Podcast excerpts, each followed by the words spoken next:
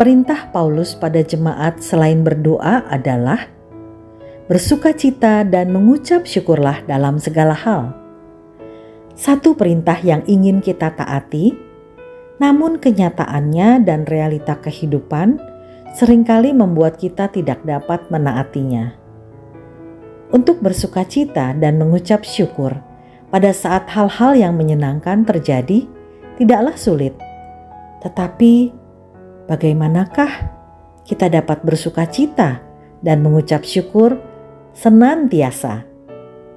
Bagaimana bersukacita, apalagi mengucap syukur pada saat hal-hal yang tidak menyenangkan terjadi? Namun, anehnya, justru inilah yang merupakan kehendak Allah bagi kita di dalam Kristus Yesus. Dalam 1 Tesalonika 5 ayat 18 dikatakan, mengucap syukurlah dalam segala hal. Sebab itulah yang dikehendaki Allah di dalam Kristus Yesus bagi kamu. Dikatakan di ayat ini adalah merupakan kehendak Allah bagi kita untuk mengucap syukur dalam segala hal.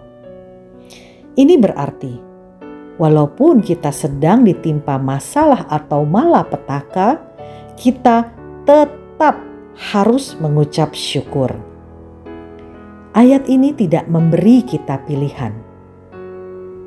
Kalau kita tidak mengucap syukur dalam segala hal, berarti kita sedang tidak berada di dalam kehendak Allah, sedang mengingkari, tidak taat, dan melawan kehendak Allah. Apa implikasi ayat ini? Hal ini berarti dengan tidak mengucap syukur dalam segala hal, kita sedang berada di luar jalur kehendak Allah dan sedang memberontak terhadap kehendak Allah dalam hidup kita. Tindakan tidak mengucap syukur adalah suatu tindakan pemberontakan yang halus terhadap Allah, dan tidak ada pemberontak yang akan mengalami penyertaan Allah. Tetapi, apakah mungkin? Kita dapat mengucap syukur saat orang yang kita kasihi meninggalkan kita buat selama-lamanya. Tidaklah mungkin kita bisa mengucap syukur saat kita didiagnosa dokter sedang menderita penyakit kanker ataupun saat kita kecelakaan dan hal-hal yang buruk sedang menimpa kita. Tetapi bukankah semua situasi ini tercakup dalam keadaan segala hal? Ini memberitahu kita bahwa hal mengucap syukur itu sama sekali bukan persoalan perasaan, tetapi persoalan ketaatan.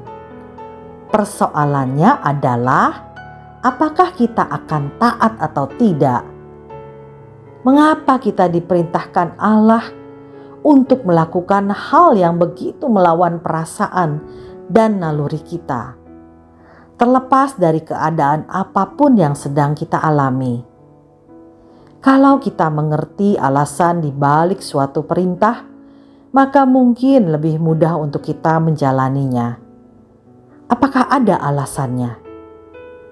Di Perjanjian Lama, Yusuf tidak tahu mengapa saudara-saudaranya membencinya sampai ke tahap mau membunuhnya.